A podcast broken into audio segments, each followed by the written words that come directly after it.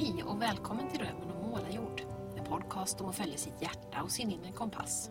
Om att komma till sin rätt som människa och om att förverkliga drömmar. Jag heter Maria Estling Wannestål och i podden möter jag personer som brinner för olika saker. Som vågar lyssna inåt och känna efter vad som är viktigt för dem. Jag inspireras av deras berättelser och tankar och det hoppas jag att du också ska göra. Min gäst i poddens 81 avsnitt är Johanna Ståhl, chefredaktör för det inspirerande hållbarhetsmagasinet Camino. Precis före jul fick jag förmånen att spela in ett poddsamtal med Johanna på härliga kontorskollektivet Lusthuset i Göteborg där jag faktiskt gjorde en intervju för två år sedan med Fredrik Warberg på Tidsverkstan. I avsnitt nummer 28 hittar du den. Men nu ska du få lyssna på Johanna i ett samtal om engagemang, inspiration, inre och yttre hållbarhet företagande, framtidsvisioner och mycket annat. Välkommen!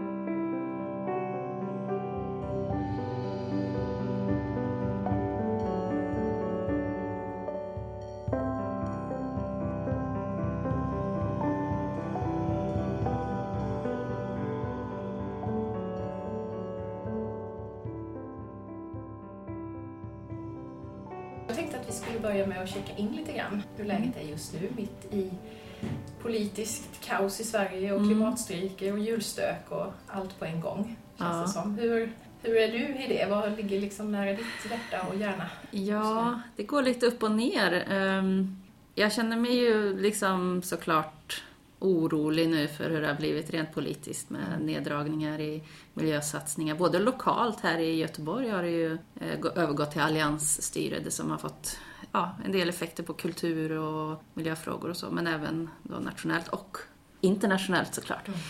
Eh, samtidigt så känner jag att det händer, den, hela den här hösten har det hänt väldigt mycket. Rent, eh, alltså det, har, det har varit spirande ett tag men det har hänt väldigt mycket på individuella plan och även på företagsplan. Jag ser att det är många branscher, exempelvis byggbranschen, som har varit på gång väldigt länge så här, och höll på och pratat och pratat och pratat men nu känns det som att nu börjar det faktiskt hända så- saker.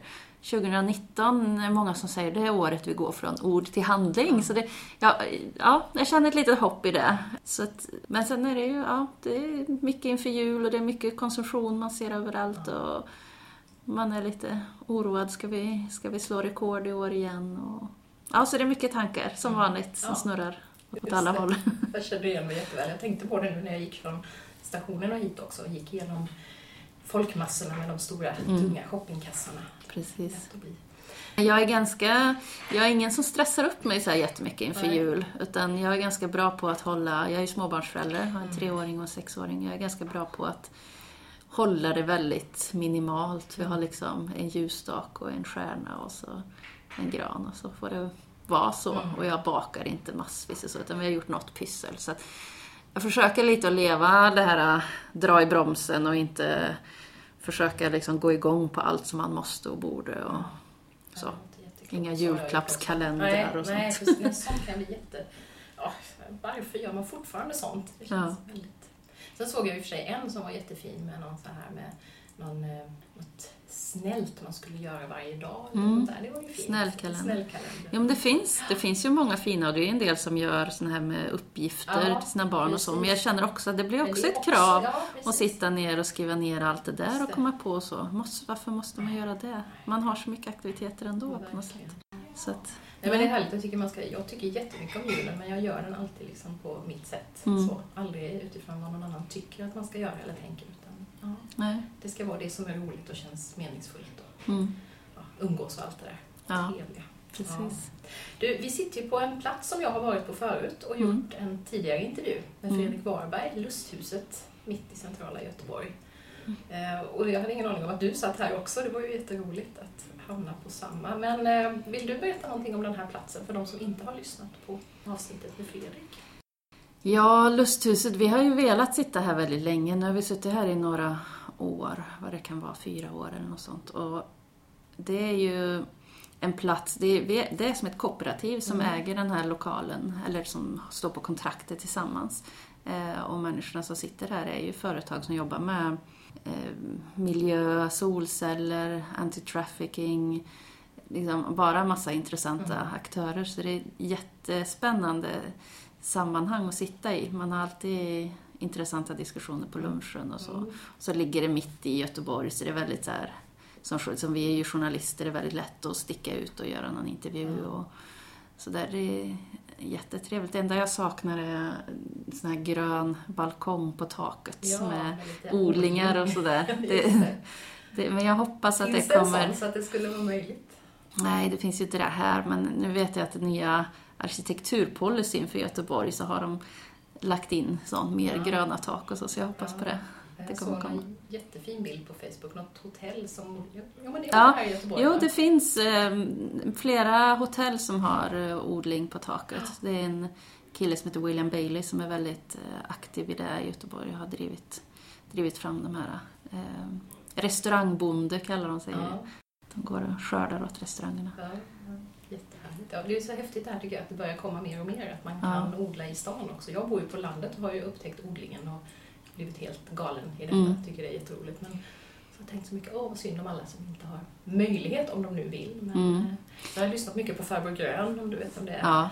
som odlar på tak. Och, eh, men det, Göteborg är en väldigt rolig stad odlingsmässigt för det, vi, vi satsar ju väldigt mycket på stadsodling här på massa olika, det är folk som kommer, Ja. flyttar hit av den anledningen. Och vi har ju ett initiativ, ett gäng som, som jobbar med förmedling av odlingsytor till sådana som vill odla. Mm. Och där man också kan lägga upp om man har en trädgård med odlingsplats som man inte Just hinner som man inte ta hand om. vill, för det är ju Ja. inte heller alla som är intresserade. Så matchmakar de liksom ihop det. Så det finns mycket sånt och många såna här äh, lotter och kolonilotter och sådär.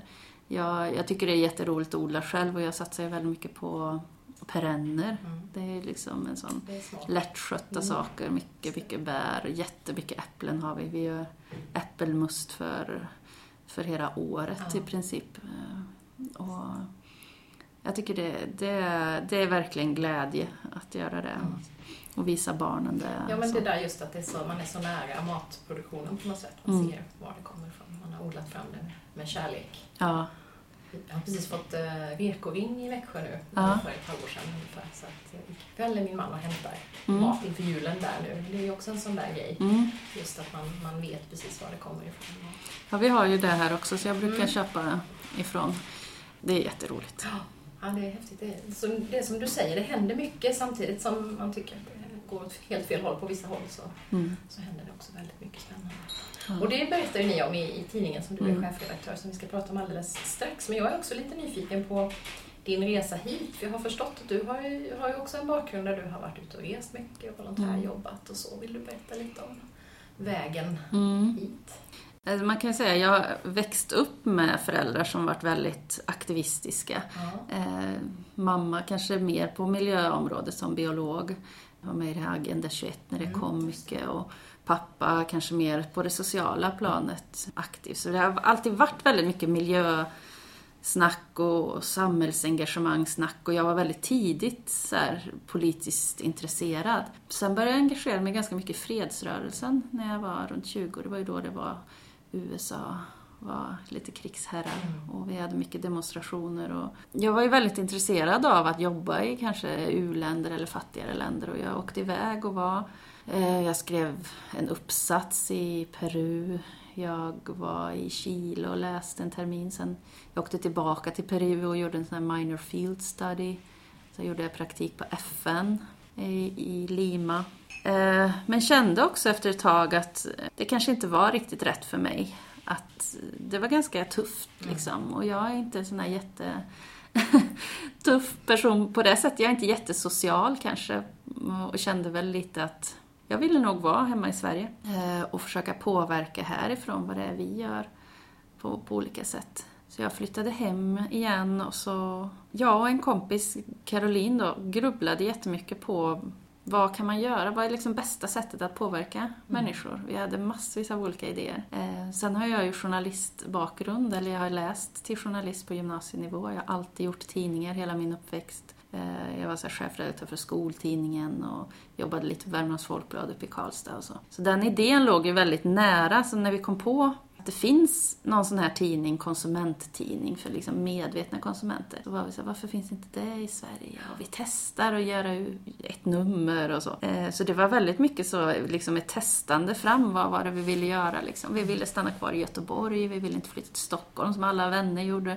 Och så drog vi igång tidningen och den fick jättebra respons direkt. Mm. Så då fortsatte vi, gjorde ett nummer till och ett nummer till och så Sen blev verksamheten större och större med föreläsningar och andra uppdrag och sådär. Så det liksom växte tiden. Det bara växte helt naturligt. Ja. Det, det kändes aldrig som att det var motigt utan det, det gick. Jo, det är klart det har varit motigt men i början var det ju Liksom, I början tog man inte ut några löner utan det var liksom så, här, så höjde man hela tiden och man kände att det gick liksom bättre och bättre. Mm.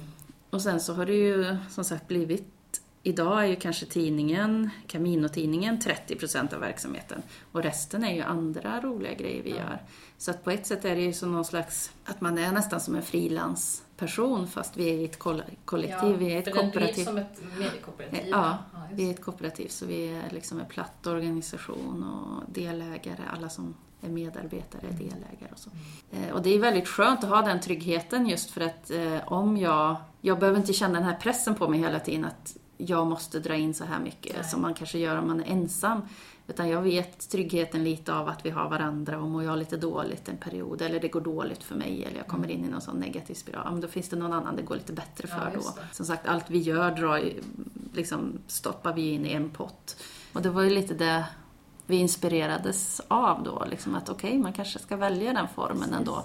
Kan göra det på ehm, sitt sätt. Liksom. Ja, mm. så det behöver inte, och jag tror att synsättet har förändrats lite. Då för 15 år sedan någonting så var det ju, var ju synsättet på att företagare var onda. Känns mycket mer hållbart på många sätt. Ja, och det är ju mycket vi drivs ju mycket av andra värderingar än just det här att tjäna ja. mycket pengar. Och det tror jag är viktigt, för om man bara är väldigt fixerad vid att tjäna mycket pengar, då är det nog inte rätt form. Nej, då blir det för konkurrensaktig situation.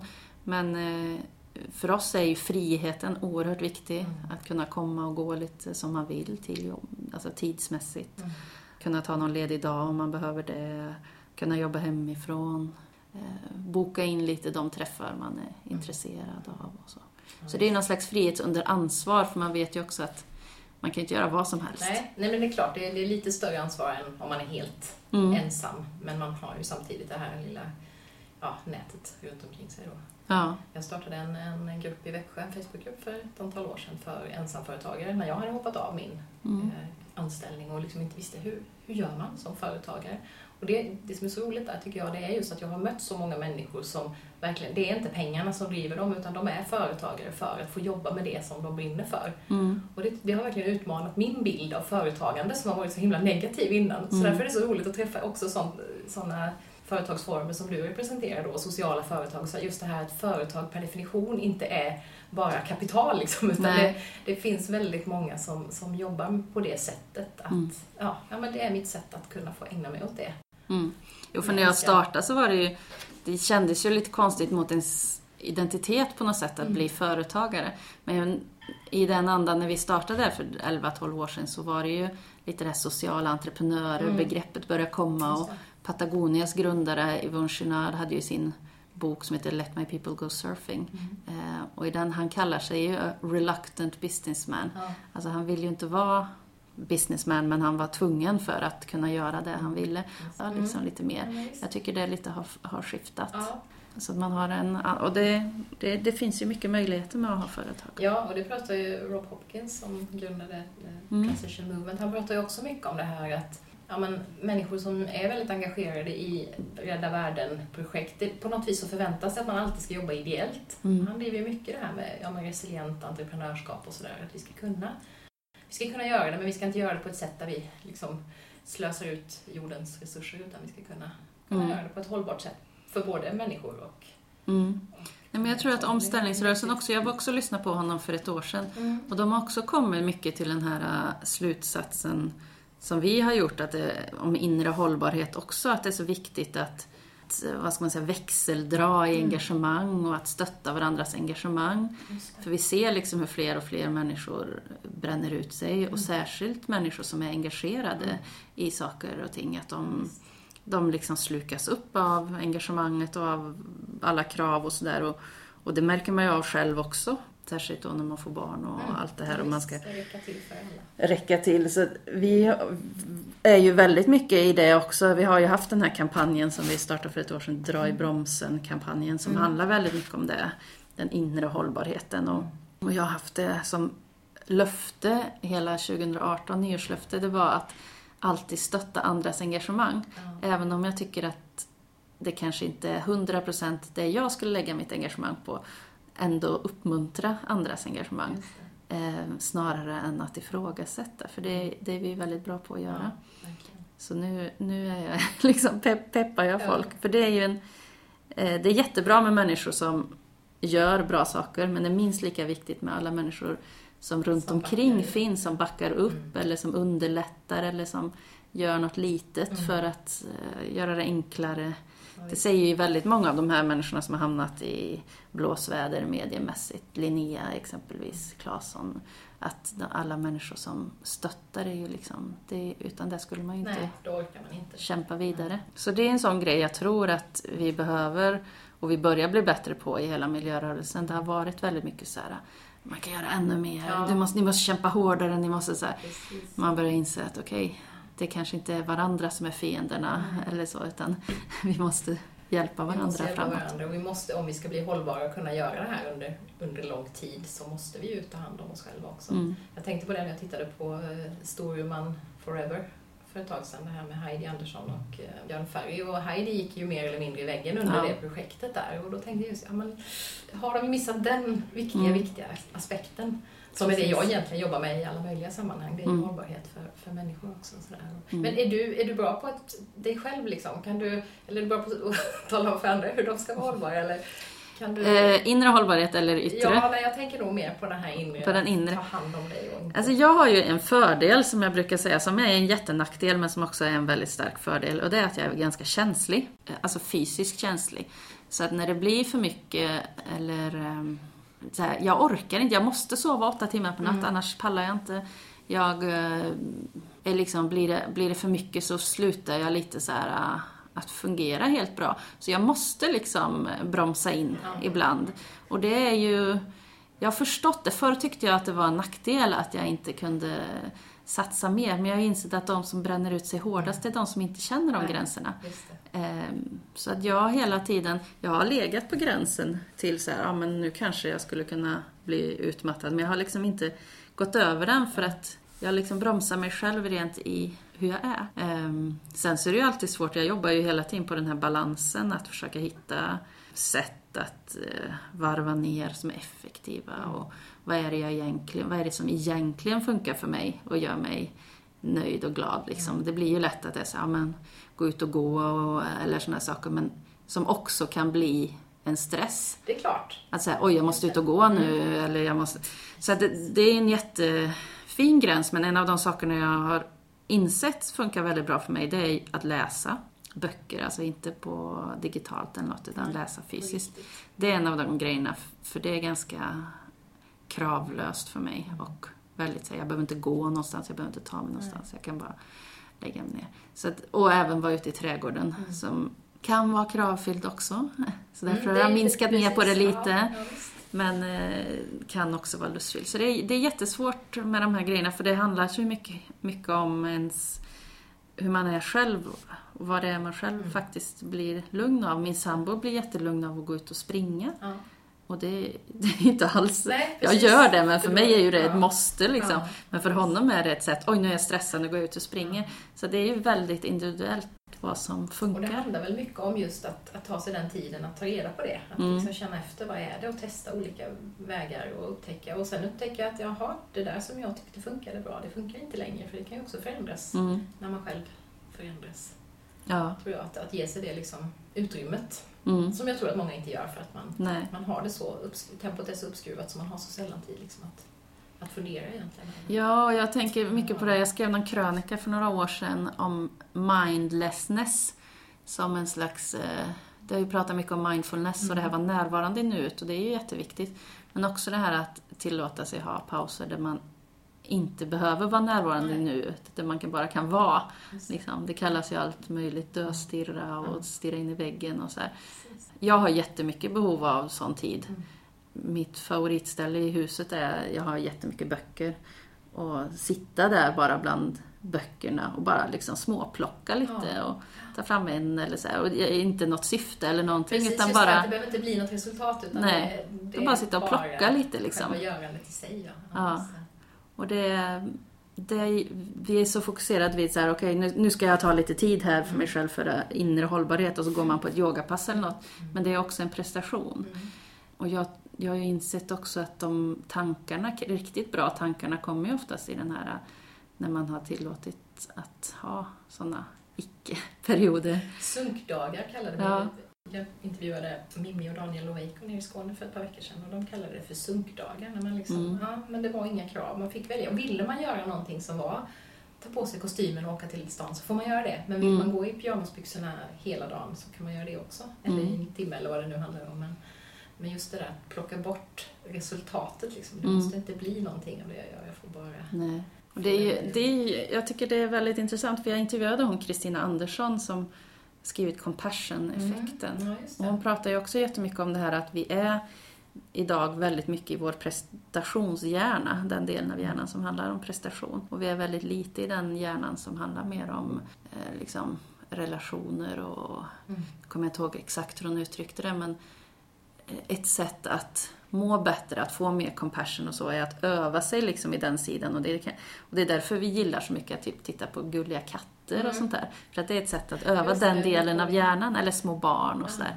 Och att det är ganska, liksom, att det är, det är viktigt. Det är inte bara så här, åh vad fånigt du vill Nej. titta på katter, utan att det har faktiskt en funktion. Ehm, och det tycker jag är lite kul, så jag övar på att titta på mina barn ibland. Ja, Så här, bara ligga och titta på dem Ja. så här och försöka njuta av vad söta de är. ja. För det är också lätt att man inte gör. Nej.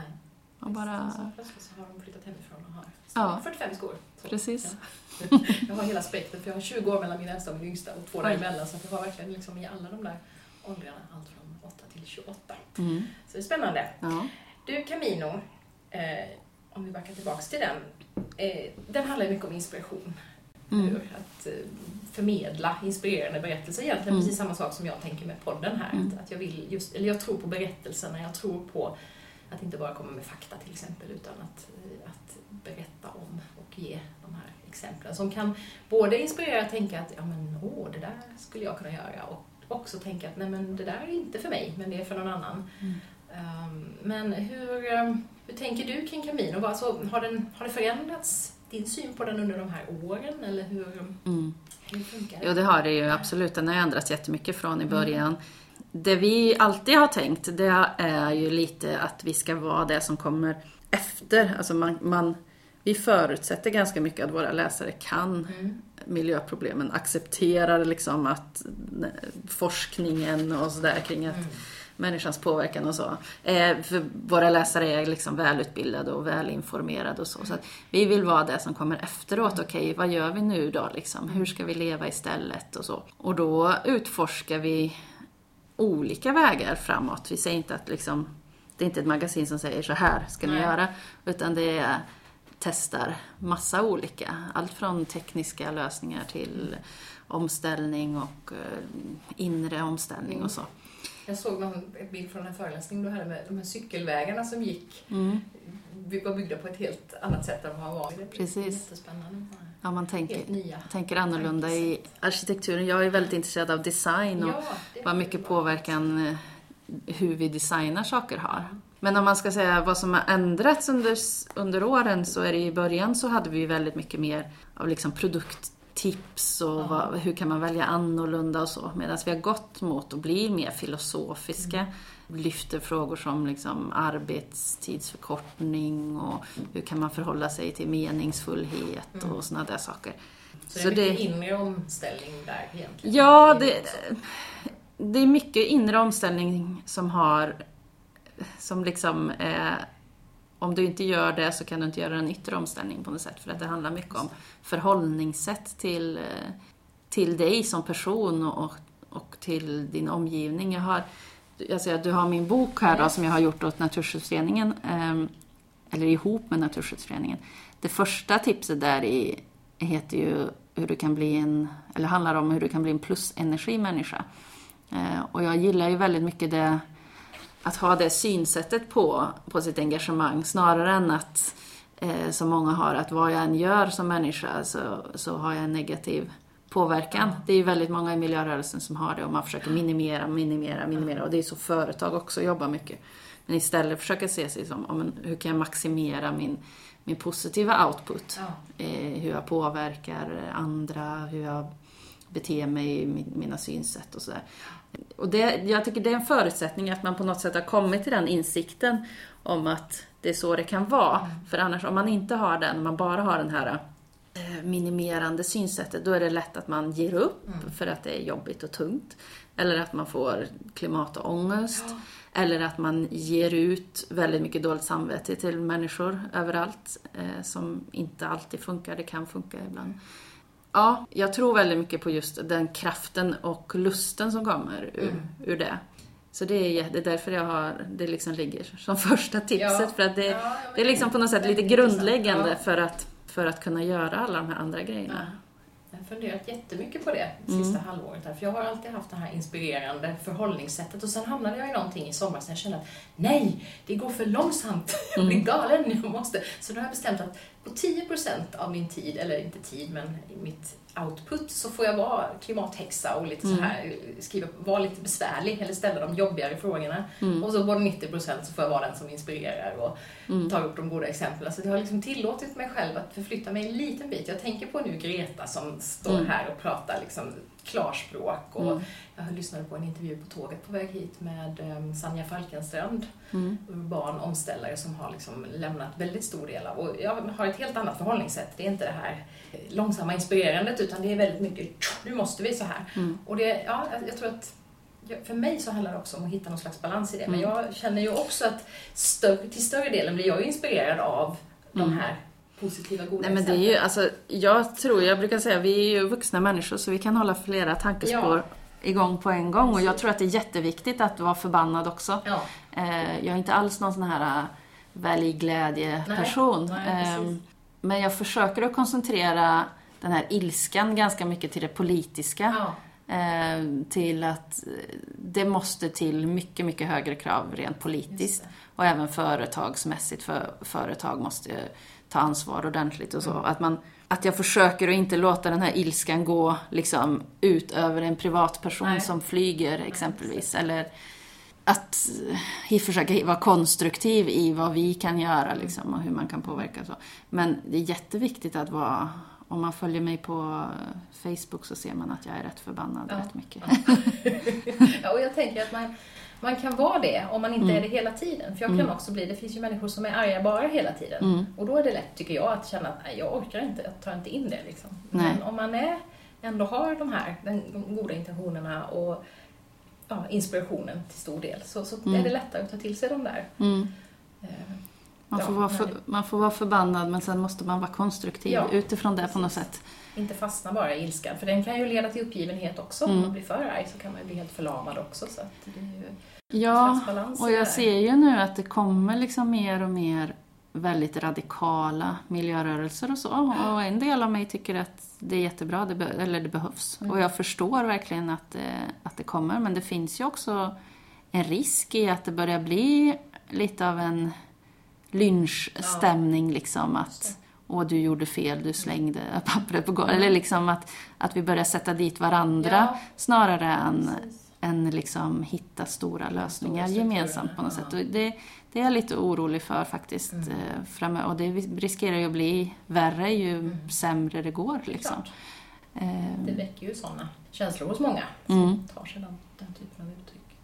Men jag tänkte just på det med, med boken här som jag fick i 50-årspresent jag och min bästa vän som fyller nästan samtidigt. Vi fick en gemensam 50-årspresent, mm. vilket känns väldigt bra då med tanke på konsumtion. Och så gillar jag ju det här med Mm, det är till för att, där, att dela. Det ska vara flera som läser. Så mm. det tänkte jag, det ska jag göra i min nästa roman. Så ska jag sätta in en liten lapp mm. om att den här delar du vidare när du har läst färdigt den. Mm. Men jag, jag, har inte läst hela, men jag har läst en lite dryg tredjedel och jag blir otroligt glad och peppad och känner att oj vad mycket, det är jätteroligt om man redan gör ganska mycket för då känner man sig som att wow, Mm. vad kul, vad mycket jag gör av det här. Mm. Och så blir jag också väldigt peppad av det jag inte har tänkt på. Mm. Just det, man kan tvätta mattan i snö. Jag satt och skrev upp liksom så här. Mm. Mm, ja, men de grejerna. Så jag tycker ni har lyckats väldigt bra med att... Och just det här att det är allt ifrån det väldigt lilla som, som vem som helst kan göra idag till de stora sakerna. Och som ibland inte funkar. Vi bor på landet i ett stort hus. Det grubblar jag mycket över. Ska vi bo kvar där samtidigt så ger det mig otroliga möjligheter att odla. Och jag ska skaffat elbil och så. Har planer på solpaneler och sådär. Men, Mm. men just att, att det finns liksom den blandningen av både smått och stort. Men hur, hur kom tanken på att skriva?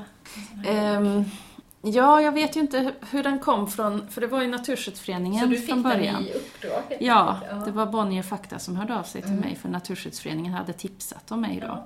Eh, jag skriver också för tidningen Sveriges Natur ibland så det, de känner till Just mig så. Ehm, och jag fick testskriva lite och så eh, innan. Men eh, nej, tanken var ju att det skulle vara liksom en... De gjorde ju en bok för 20-30 år sedan, eh, Handla miljövänligt Mm. som blev lite av en bibel så där för miljörörelsen. Det var den första så här, boken som liksom pekade lite på vad man kan göra som konsument. Ja, just det. så där. Allt inte i Ja. strukturerna utan du kan göra någonting själv. Och då, den blev väldigt uppmärksammad och så. Så tanken var att det här skulle vara liksom lite av en uppdaterad sån konsumentguide till vad den ultimata guiden till liksom vad du faktiskt kan göra. Och så just 365 råd så att du ska kunna läsa ett per dag eller hur du vill göra. Men den är inte uppbyggd. Vi funderade lite på så här, ska vi bygga upp den som en, ett råd per dag och så, men vi gjorde inte det på slutet utan mer så att man kan bläddra och plocka lite. Jag tänkte ju igenom verkligen alla områden i livet och så började jag snickra ihop. Sen så på slutet la jag ju till med lite hjälp från Naturskyddsföreningen, lite enklare tips också. Ja. Som från för början var jag inne mycket på de här kreativa, större, Större grejerna. Ja. Men jag tycker det är jättebra att det finns med både i och med att den, det är ju väldigt många som ger bort den. Typ i julklapp nu har det ju varit jätterush för Mm. att den passar att ge till nybörjare Mm. inom området men också till sådana som är, Ja, liksom, kan mycket. För att jag har ju jobbat med det här ganska länge och klurat mycket på vad som är det bästa sättet att Ja. att skapa engagemang och på, påverka och så. Så det är inte bara, syftet är inte bara att rabbla upp så mycket som möjligt utan faktiskt verkligen få människor att Mm. göra grejerna. Precis, och det är ju lättillgängligt för det är skrivet på det sättet så man Mm. behöver inte ha en massa förkunskaper. Och det är ju, det är ju ett, ett smart Mm. sätt, tänker jag.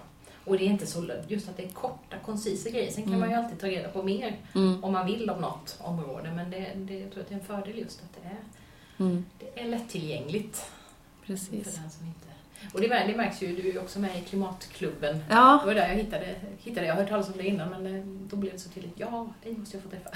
Mm. Eh, Men just det här att, att vi kommer ju alla in liksom i olika, på Mm. olika nivåer i det här. Och, och just det här som jag har känt också att det har gått mycket från de här kanske mindre grejerna. Och när man har börjat med de mindre grejerna så blir man också sugen på att testa de större. Och nu känner jag, ja, men nu börjar jag komma till det där med bank och pension och sånt. Det har, inte, det har inte ens funnits på kartan tidigare. Jag har inte ens tänkt i de banorna att Mm. jag kan påverka på det sättet också. Men Mm. det börjar ju liksom med, ofta med de mindre sakerna och så Mm.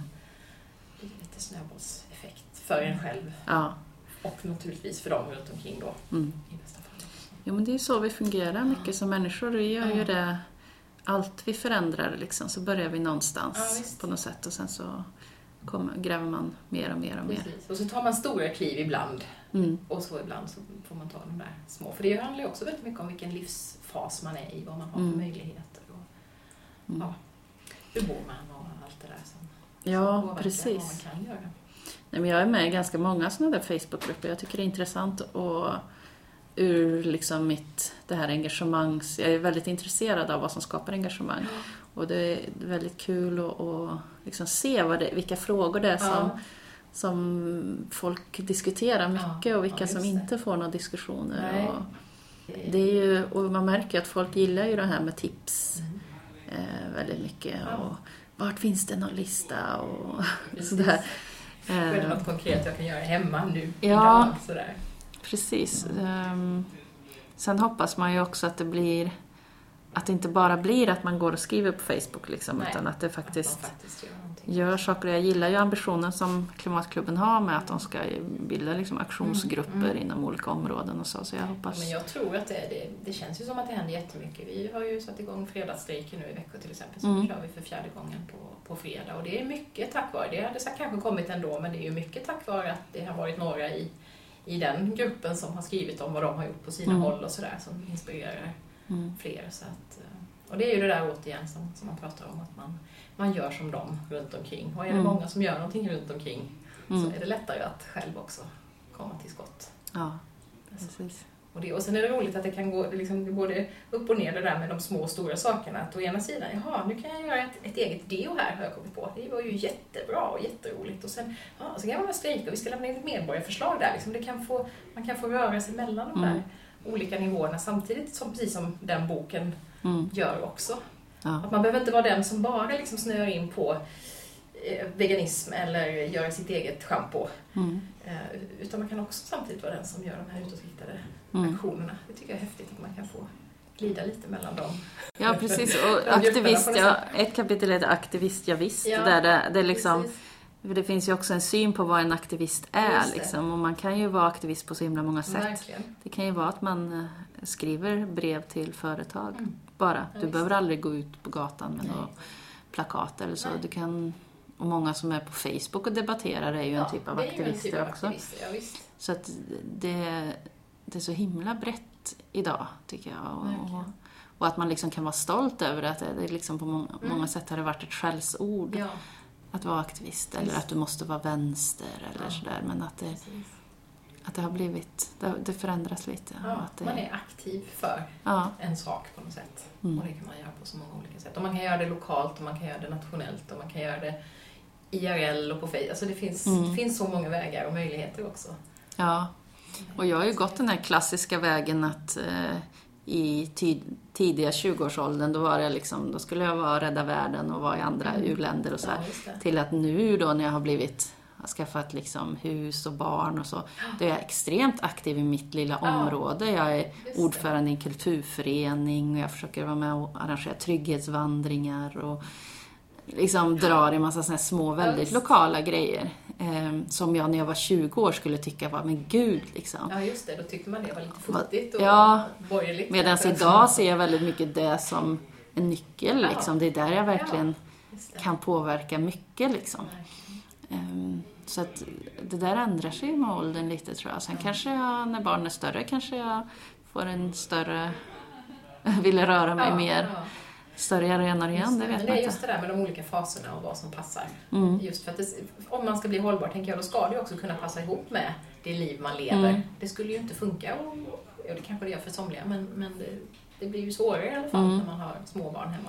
Ja, för mig är det viktigt att ha med barnen också. Jag var Mm. ju själv uppvuxen med att sitta på med på sådana här möten och demonstrationer. Ja, och, och, liksom, och det har ju format mig mycket och jag vill ju gärna att mina barn också ska finnas med. Det, jag tycker kulturen är lite nu att man inte har med barnen så mycket. Så där, utan, Det är nog inte så mycket som det var på 70-talet Nej. i alla fall. Men jag, ja, jag försöker få med dem ganska mycket och förstå liksom varför, vad det är jag gör och varför det är viktigt. Och, nu är ju den treåringen är ju lite för liten, men sexåringen tycker jag börjar förstå liksom, lite vad det är jag håller på med. Och, Ja, det är jättespännande. Jag hade med min åttaåring på klimatstrejken förra, Ja. förra veckan. Ja, men just, och sen att vi pratar mycket hemma också. Det märker jag ju att det finns ju där. Nu börjar mina barn bli så stora och en är ju utflugen sedan lång tid och sådär. Men de har ju fått med sig, sen är de extremt olika, men alla har ju med sig något slags mm, tänk för att de, som du säger, de har varit med, de har lyssnat, de har ja, Mm. varit med i diskussionerna. De har fått Mm. höra de här sakerna. Sen kanske de väljer att göra någonting helt annat. ja, Det kan man ju inte styra och det måste ju de få välja själva. Men, men jag tror ändå att man kan skicka med dem någonting. mm. Någon slags grundvärderingar ändå. Jag försökte tänka på det väldigt mycket. Jag och min sambo pratade om det innan vi fick barn. Var, liksom, vilka de viktigaste värderingarna är man vill få med, liksom, med, med barnen. Och jag kom ju fram till att det all, absolut allra viktigaste det är att man är snäll. Ja, Och då inte bara så här mesigt snäll, utan att Nej. man kan vara ifrågasättande Just snäll. Också. Och det har jag liksom präntat in i, i dem djupt liksom. Att snäll mot naturen, snäll mot eh, varandra Och jag har väl kanske aldrig eh, varit urtypen som har definierats som så här, Johanna är en snäll person, för jag kan vara ganska hård. Ja, Men för mig är det snällhet också, det. att vara hård och säga till när, man, eh, när någon gör något fel istället för att bara vara konfliktundvikande Ja, och lite mesig. För det är ofta de personerna som kallar åh hon är så snäll Ja. för att hon sitter där och säger Just ingenting. Vi behöver vidga begreppet snällhet Ja. lite grann. Ja. Och det, eh, vad heter han, Stefan Einhorn sa ju också det i, i en intervju som jag gjorde med honom här i det här senaste numret tror jag det var. Ja. Så sa, pratade, vi en del, eller pratade han en del om det här med barn och vilket ansvar det är att uppfostra. Mm. Och han sa att om man vill ta ansvar för framtiden är det vik- viktigaste att ge dem ett intellektuellt tänkande och lära dem respekt. Jaha. Och det är lite så jag, respekt, snällhet, Ja. men också det här att faktiskt intellektuellt tänkande, det kan låta så snobbigt men ändå Ja, Får det dem att handlar ju bli om att kritiska. Ja. och, ja, inte svälja allt utan mm. kunna sålla. vad som är Så viktigt det- ja. Så det försöker jag leva efter nu Ja, ja, med mina barn. Sen är det mycket annat man inte lyckas med. Men... Hur eh, upplever du själv att, att eh, alltså följer du alla de här råden själv? Det, det kan man ju knappt göra. Men, Mm. men eh, jag vet ju att man kan också hamna i det här när man är en människa som, som pratar mycket om hållbarhet. Att man liksom, ja men om du, som du sa, om någon slänger ett papper på marken så är någon där genast. Mm. Möter du det någon gång? Liksom, pratar ibland om den här miljö-Jesus. Mm. Man måste vara så perfekt. Mm. Känner du av det? Nej, jag känner inte av det så mycket och det tror jag har med att göra att jag eh, pratar väldigt mycket om att det inte går att leva som man lär. Eh, för att samhället eh, är som det är och att den fria viljan är ju så oerhört liten egentligen om man tittar i alla de här samhällskontexterna och vilken klass man tillhör och vilken, vad man har för bakgrund och vad man har för vänner. Och det är så himla många grejer som avgör vad du har för möjlighet att göra olika val. Så att utifrån det lilla spelrummet man har så, så kan man ju sträva mot de, de här 365 sakerna men det finns så många hinder eh, som gör att det är, det är svårt. Så jag lever inte alls eh, perfekt men jag gör ju otroligt mycket, Mm. måste man ändå säga. Men, men det är ju inte så, jag har ju inte så, jag har inget absolut flygstopp, även fast jag flyger väldigt, väldigt lite. Jag har inget, vi har en bil, även fast jag försöker använda den väldigt Ja, för lite. du har elcykel nu som du Ja, jag har elcykel. och- Eh, Min sambo har en sån liten el-twitsy eh, som han tar sig till jobbet med. Mm. Och sen har vi en vanlig bil, men eh, försöker minimera. Mm. Det finns väl inga områden som jag så här medvetet tänker att nej men det här skiter jag i. Mm. Utan vi har ju, försöker ju, vi har ju liksom hemma bergvärmepump och väger vindkraftsandelar och vi har hyrt ut källarvåningen för att liksom minska boendeytan. Mm. köper bra mat, köper mycket lokalproducerat, alltså odlar. Ehm, ja, liksom massvis av saker. Så Nu glömmer jag nästan bort allt vad man kan göra. sätt, Ja. Ja, Men, Men det är klart att jag menar, jag köper plastleksaker till mina barn ibland. Men jag är liksom ingen, så här, jag är ingen extremist och det är jag inte som person. Nej. Eh, Jag skulle aldrig kunna vara någon helt zero waste person Mm. eller utan jag tror mer på det här att liksom försöka överlag vara så bra som möjligt snarare än att nörda in sig på att oh, jag får inte använda plastsugrör. Jag tror de Nej, extremisterna, det är risk att de sväljer, vad säger man? Eh, Sila, sil- sila, ja, vad heter det? Sväljer mygg och, nej, sväljer kameler och sila mygg. ja. Eller något sånt. Eller tvärtom. Att det Ja, man fokuserar jättemycket på ett Ja. område så att det är risk att eh, de andra områdena inte blir så bra. Nej. Då tror jag mer på att se liksom, vilka är de viktigaste frågorna. Och Någon slags medvetenhet kring Ja. och göra ett, medvetna ett, val. ett he- liksom holistiskt Ja, sätt på, precis. på helheten. För det är ingen som vinner på om jag bränner ut mig heller. Nej, nej. Då blir det Och också... dessutom tänker jag att man blir också en, en Alltså man blir mer inspirerande för omgivningen, för de som inte har kommit lika långt, om man inte är allt för mycket åt extremisthållet heller. För då Mm. blir det också så, det är så långt ifrån ens egen livsstil. Så att jag tänker ofta Mm. det att jag ska vara en brygga liksom mellan de extrema och de som Mm. inte har ens tänkt tanken. Och försöka ja, vara någon slags väg Ja. däremellan. Att man kan leva ett ganska vanligt Svenssonliv på många sätt, men man kan göra det samtidigt Mm. omställt på många, många områden. Ja. Men inte perfekt på allt. Och sen liksom att, att sätta upp nya, det är också lite roligt och spännande, att sätta upp lite Mm. nya strävansmål Mm. som jag har gjort nu för nästa år. Att ja, men nu ska jag försöka byta bank, jag ska se över pensioner och ja, men Mm. då blir det en, en sån där grej att där kan vi skruva lite till och då Mm. lär man sig någonting nytt inom det området. Och, Ja, men precis. Så. Man har i olika perioder så skruvar man på, på olika saker. Jag har också Ja. så nyårslöfte. Ska jag gå lite mer åt zero waste-hållet, är tanken, men Mm. utan att bli e- extrem. Men, eh, och det är ju liksom, och det har, har ju oftast hängt ihop ganska mycket, men vi har ju olika teman i Camino. ja. Som jag, då gräver jag ner mig jättemycket i något som vi hade förra året hade vi ett rensa-tema och när jag skrev om KonMari-metoden och så. Ja. Och då körde jag det liksom en period och gjorde det och liksom grävde ner mig jättemycket i det här med att rensa och så. Så det är ett väldigt, ett väldigt effektivt sätt att Ja. själv kunna ta till sig det här, är ju att skriva om det eller få Ja. intervjua andra om det. Det är jättebra för att man får verkligen, nu nördar jag ner mig i det här Ja. området. Eh, det. Nu var senaste mat och teknik och då testade jag massvis av såna här food tech maträtter eller liksom Ja. saker och ehm, inför att jag skrev det. Så att det, det har varit ett väldigt bra sätt att, eh, att eh, tänka över olika delar för olika. Det hoppas jag att läsarna tänker också lite som att nu, ja, nu kom det ett nummer om det här, då kan vi liksom kan fundera lite om Ja, det ja, ett tag. Men det med pengar och så har jag, det har jag funderat på att skriva om det igen för det var ett tag sedan.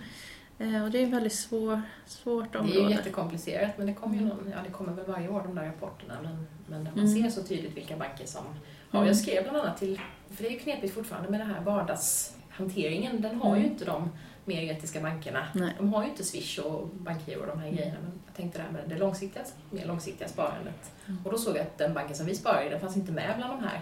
För den var så pass liten så den var inte listad. Så då skrev jag faktiskt till dem och frågade, har ni, hur tänker ni kring hållbarhet? Mm.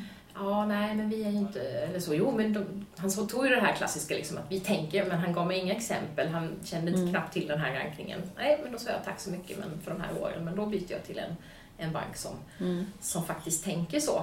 Mm. Eh, Men bara det att, att börja fundera i de banorna, Mm. det sätter ju igång någonting och det händer ju någonting med våra flöden eh, Mm. i samhällsstrukturerna också när fler Mm. börjar ifrågasätta. Och, ja, men Mm. det, det där med att sätta press på, som du var inne på. Ja, men det är ju viktigt för då, då ser ju de banken att ja, ja, det här är en viktig fråga. Ja. Och så. För det, många pratar ju om det att eh, exempelvis inom flyg då liksom att, att de säger att politiken måste sätta mycket starkare krav och regler och sådär. Och det är jätteviktigt men eftersom vi lever i en demokrati, det är ju problemet med Ja, demokrati, just så måste det ju finnas en acceptans bland människorna. Annars kommer Precis. de grejerna bli bortröstade. Ja. Så att lika viktigt att jobba med de politiska ehm, förändringarna så är ju de att liksom få acceptans hos människor Mm. lika viktiga. Och då, då kan det ju vara såna här böcker eller eh, att man liksom, folk börjar ifrågasätta mer och mer. Och, Ja, så och då kanske politikerna känner att nu börjar det Nu finnas en politisk Ja, acceptans för det här. Då kan vi, kan vi kanske smyg, höja flygskatten lite och då Mm. kan vi liksom Ja men absolut, vi har ju mycket mer makt än vi tror ändå. Det tycker jag bara sådana enkla exempel som att jag skrev till vår lokala handlare och sa att jag vill gärna stötta er för att ni ligger ju nära där jag bor men ni har sämre ekologiskt utbud och därför Mm. handlar jag hellre i stan då. Mm. Och då fick jag ju in en massa varor där och det, jag hade inte ens tänkt att jag kunde göra så. Alltså det, Det här är att man- jätteenkelt. Jag har Ja, bett det min så butik om ja, jättemånga visst. produkter. De har tagit in Ja, alla. visst. Och sen försvinner de ibland igen därför Ja. det inte tillräckligt många handlar om. Men, men jag tror att många inte ens tänker att vi har den möjligheten. Det tycker jag just sånt som Mm. Klimatklubben. Där får man så många sådana exempel på vad folk har gjort. Ja, men man skriver till tidningar när det har varit en artikel som har varit ensidigt Mm. för liksom, flyg jättelångt på julsemester. Ja, men då är det en massa som, som skriver om det. Så att man får väldigt mycket inspiration Mm. genom att eh, umgås med andra som, som tänker. Sen får Mm. man ju inte fastna i bara i den bubblan kanske då, utan man behöver ju också Mm. man behöver ju umgås med andra människor också. Men, men jag känner att jag, jag har ett behov av att omge mig med människor som kan. Mm. Som både kan inspirera mig att ta nya kliv och som jag kan inspirera Mm. på ett annat område kanske. Jo, men i och med att det är så extremt socialt, ens beteenden, Ja, så är det ju jätteviktigt att ha den typen av sammanhang. Det kan ju vara, jag menar för mig, jag har ju jättemycket vänner som är extremt medvetna, så jag har väl egentligen kanske inte superbehov av det, även fast jag tycker det är roligt. Men det finns ju väldigt många människor som kanske sitter ensamma Ja, och är medvetna och precis. känner att Hjälp de inte kan göra så mycket Nej. åt det. Men då är ju de här digitala grupperna Ja, jätteviktiga. För att man ska liksom Ja. bli starkare i det och känna ett sammanhang och Precis. tillhörighet och allt sånt här. Ehm, Det är ju superviktigt. Ja. Och det är så många sådana aspekter på hållbarhet som, som är viktiga. Mm. och Som inte vi pratar om så mycket. Ja. Sociala, Och sociala, ja. och våra begränsade valmöjligheter beroende på vi är, vart vi är. Och, ja, men det kan ju en del tycka kanske att den här boken då, exempelvis, ja, men den riktar sig till liksom människor med gott om pengar som bor i villa och sådär.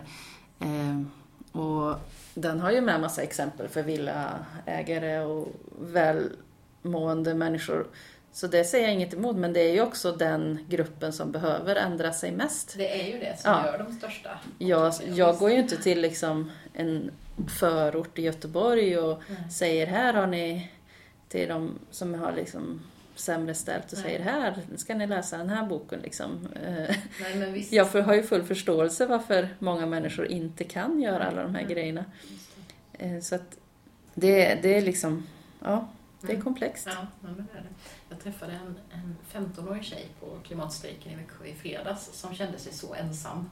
Mm. Eh, För hon, är, hon verkar vara den enda på hela sin skola som är engagerad i de här frågorna. Och jag tänkte, Mm. hur, för då kände jag just precis som du, jag är också omgiven av jättemånga människor som tänker lik- liknande och får massor med inspiration och sådär. Men vad svårt det måste vara att vara den Mm. som står där. Men jag, vi pratade jättelänge och jag kände att hon blev ändå lite peppad av vårt samtal och Mm. jag fick lite tips kanske på att söka sig till ungdomsgrupper och, Mm. och sånt inom fältbiologer och naturskyddsförening och sånt där så man kan hitta andra som Mm.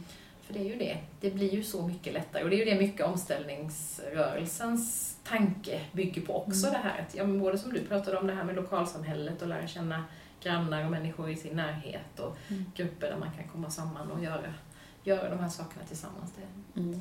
det, känns, det, blir ju, det blir ju, för det är också viktigt tycker jag, att det ska vara roligt också. Att det inte bara ska vara liksom, ja, nu ska vi försöka, vi ska göra detta, vi ska kämpa, kämpa, kämpa. Utan just upptäcka det här, Mm. hur kul man kan ha. Ja. Jag tänker, brukar väl kanske oftast vara lättare när man flyttar eller till en ny stad Mm. eller sådär. För att när man ingår i ett socialt sammanhang och särskilt när man är ungdom så kan det ju vara ganska svårt att Mm. bara gå in i ett annat Ja, sammanhang. visst. Eh, Men för mig var det ju jättemycket när jag flyttade till Göteborg liksom som jag började jag var inte direkt aktivistisk när jag bodde hemma i Karlstad utan Nej. det kom ju liksom när man började, man blev, det är därför många blir när de blir Under studenter. ja För att då, och då finns det organisationer och så där, så det är ganska lätt just, och det är lätt överhuvudtaget att göra en förändring när Mm. man flyttar. Visst. För då kan man liksom lite börja på nytt och liksom välja, nej men nu vill jag ha mer den här profilen, nu Ja. söker jag mig till den här typen av vänner. Ehm, för man gör ju sådana aktiva val hela tiden utan att man tänker på det, vilka vänner man Mm. faktiskt eh, liksom söker sig till. Ja. Ehm, och vilka man inte aktivt, vilka man väljer bort. Mm. Så att. Mm. Ja, men det, är, det är väl ett, ett tips överhuvudtaget om man flyttar till en, och får liksom en chansen till en nystart. Att Mm. hitta en, en grupp med andra som tänker lite i de här banorna. Att man kan få Mm. den där peppen att göra någonting tillsammans också. Bara glädjen i det liksom. Att Mm. vi hjälps åt. Så det är fint. Ja, det kan ju också vara svårt att om man bor i ett område där man har bott i kanske 20 år, Mm. att börja så gå ut med massvis av så miljöinitiativ. Mm. För där är man liksom, det är lite Ja. som, en, som en musiker säger, man blir aldrig stjärna i en hemstad, Nej. sin hemstad. Utan det. det kan ju vara lättare att komma in som nykomling Absolut. då, att faktiskt eh, dra i tag i lite grejer. Jag har ju tur som bor, jag har bott i Växjö hela mitt liv Mm. och har fyllt 50 nu. Och, eh, men jag har aldrig haft så mycket sådana sociala eller så, sammanhang som jag har Mm. nu.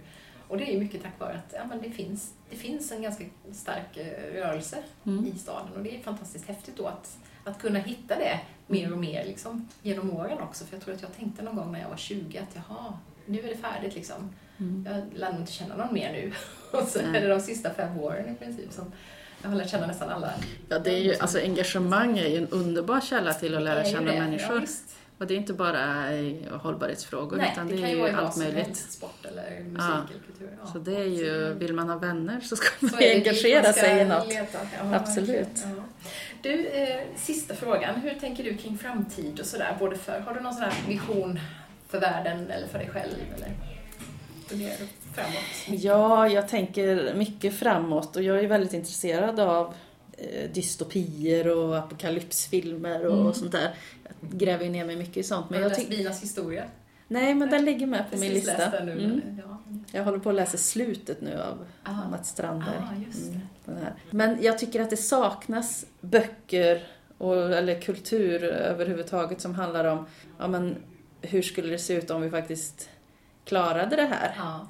Eh, hur skulle liksom, inte en utopi för det är någon slags så här, Ja, drömsamhälle, det. men hur skulle ett samhälle kunna se ut som faktiskt klarar av klimatkrisen och miljöhoten och, och sådär. Hur, hur skulle det, det skulle jag jättegärna vilja liksom utforska mycket mer, hur, hur en möjlig... Och det tycker jag görs liksom för lite, utan Ja. man, vi är inställda på att Det det, kommer gå under, Ja, men frågan är bara hur lång tid. Mm. Och så kanske det är, men om vi ska ha något att sträva mot så måste vi veta vad det är vi strävar Mm. mot då. Det är inte bara så här att det går tillbaka och blir som det var förr, utan det kommer det ju inte göra, utan Nej. det kommer ju gå framåt har fast helt andra förutsättningar ja, och det tycker jag det är alldeles för lite prat om.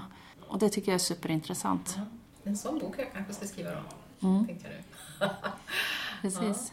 Det finns väl några, några försök eh, kring det, men eh, ja, lite mer Mm. utforskande. Det här, vi har ju det här framtidsanda är ju en av våra idéer i, i, kring Kvammino. men det är just det att vi faktiskt vi måste sträva mot en framtid som är attraktiv, som är bättre än den vi har nu. Det är ju det vi människor vill ju alltid Någon bättre. Det är ingen som...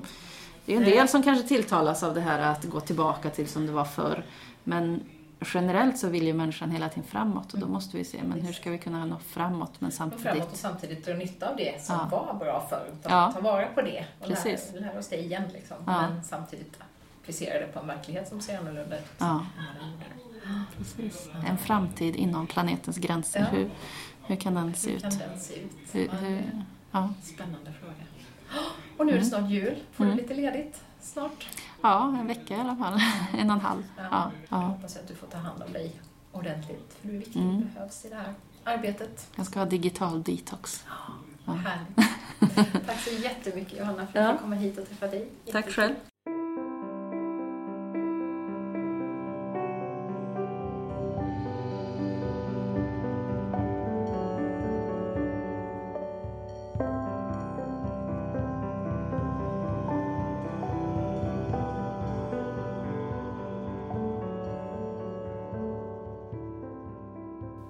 Webbadressen kaminomagasin.se hittar du tidningen Camino som vi pratar om.